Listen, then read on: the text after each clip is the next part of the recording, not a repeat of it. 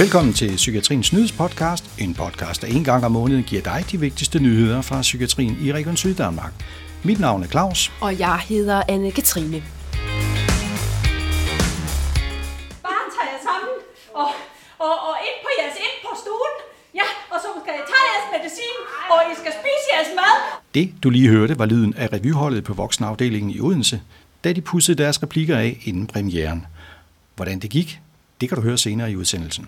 Ja, for allerførst så skal vi altså lige runde et jubilæum. Den 5. november var det nemlig 10 år siden, at Center for Digital Psykiatri åbnede i Region Syddanmark. Dem, som blandt andet står for internetpsykiatrien og Mindhelper. Og der er sket en kæmpe udvikling de seneste 10 år, også i forhold til de digitale muligheder. Det fortæller lægefaglig direktør Anders Meiner Pedersen, der var en af initiativtagerne til, at centret blev oprettet. Jamen, det har jo været en fantastisk tur med først at lave Telepsykiatrisk Center, som vi var nødt til at bygge, fordi at hastigheden i ledningsnettet var sådan, at vi ikke engang kunne lave stabile videokonsultationer, uden at vi byggede et center til det. Øh, og nu har vi jo øh, videokonstationer fra alle mulige devices og ingen problemer. Og vi har jo skabt et center med for eksempel internetpsykiatri, der rammer øh, tusindvis af danskere og hjælper dem i deres hverdag nu her. Øh, så vi er jo simpelthen kommet langt, langt, langt øh, med vores øh, Center for Digital Psykiatri. Centerchef Marie Paldam Folker har også været med siden begyndelsen. Hun ser digitalisering som et af svarene på de udfordringer, psykiatrien står overfor i de kommende årtier. Vi startede ud for 10 år siden, øh, og centret blev etableret øh, med den opgave at understøtte hjælp afdelingerne i at bruge videokonsultation for at øge adgang til behandling. Og så handlede det om en anden stor opgave, og det var at, at øh, sætte øh, form på, på det, der dengang hed internetpsykiatri. Og det er jo så det, vi har gjort også de sidste 10 år, gået fra at være et demonstrationsprojekt med ganske få patienter, der kom fra, fra vores egen region, til så i dag, hvor øh, vi faktisk her i, i fredags kom på finansloven. Vi bliver flere, der har en psykisk ledelse, og vi er færre i arbejdsstyrken. Så, så vi er simpelthen nødt til også at bruge digitale løsninger der i kombination med det, vi gør i forvejen. Og det kan være videokonsultation, men vi håber da i særdeleshed også, at vi kunne arbejde med, med digital terapi, digital psykoedukation i det tilbud, vi stiller til mennesker med psykiske lidelser. For mig handler det om først og sidst, at vi har et øh, varieret evidensbaseret tilbud til mennesker med psykiske lidelser, for man er forskellig og har brug for forskellige former for behandlingsindsatser. Hvordan ser man på ledelse i dag? Det var et af temaerne på årets Floddag. Floddagen er et arrangement for alle ledere her i Psykiatrisygehuset, og for uden oplæg af formanden for Psykiatri- og Socialudvalget, Mette Bossen Linnet, så var det den eksterne konsulent Anders Trillingsgaard, der styrede dagen. Han kunne blandt andet fortælle, at ledelse faktisk også kan anskues som en form for produkt, hvor medarbejderne også kan være med til at levere. Det er den hele familie, man skal have med i sine lægelige overvejelser, når et barn er i behandling i børne- og ungdomspsykiatrien. Og det er altså noget, der tiltaler Emma Jørgensen, der er medicinstuderende, og som var en af de mange medicinstuderende, der besøgte vores stand til specialernes dag den 22. november. Specialernes dag er en dag, hvor de medicinstuderende en gang om året kan stille alle de spørgsmål, de nu har til de forskellige specialer. Men jeg synes, det er interessant det med, at øh, der er så meget kommunikativt i det, og at man ikke går ind og behandler et organ, men at det er øh, behandling af hele familier, ofte især i børne- og ungepsykiatrien. Og dagen må have gjort et godt indtryk på Emma. Ja, det virkede det til, for hun deltog i hvert fald også, da der ugen efter var psykiatriens efterårsskole for medicinstuderende.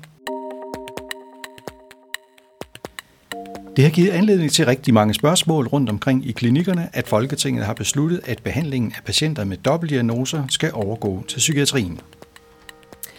For er vi overhovedet gearet til at håndtere patienter med samtidigt misbrug, og hvordan kommer overgangene så til at forløbe? Det er spørgsmål, som du lige nu kan finde svar på, hvis du altså logger dig ind på vores intranet. Her er der nemlig blevet oprettet en side til formålet, som løbende vil blive opdateret med seneste nyt. Du finder frem til indholdet via fanen Klinik på Psykiatriens Røde Intranet, og du skal kigge efter linket Integreret Dobbeltdiagnose Behandlingstilbud. Chefsygeplejerske i børne- og ungdomspsykiatrien Lene Granhøj har netop taget afsked med kollegaer efter 36 år som sygeplejerske. Og selvom det var vemodigt at sige farvel til afdelingen, så glæder hun sig til at få mere tid til sig selv og familien. Jamen, jeg glæder mig sådan til at kan være mere egoistisk, have mere tid til mig selv og have tid til at rejse sammen med min mand, som også går på pension om et halvt år, og øh, have tid til at træne og måske også være frivillig. Og så har jeg jo en, et barnebarn og en gammel mor, som jeg også gerne vil tage mig af. Det bliver i stedet oversygeplejerske Trine Siger Bro fra Børne- og Ungdomspsykiatrien i Odense, der nu overtager Lene Granhøjs rolle som chefsygeplejerske i Børne- og Ungdomspsykiatri Syddanmark. Trine skal sammen med cheflæge Maja Basnov og chefsygeplejerske Tanja Vindkende udgøre afdelingsledelsen fra den 1. januar 2024. Vi skal også meget snart sige farvel til chefsygeplejerske Yvonne Reinholdt for vores afdeling i Åben Rå. Hun går på pension til februar.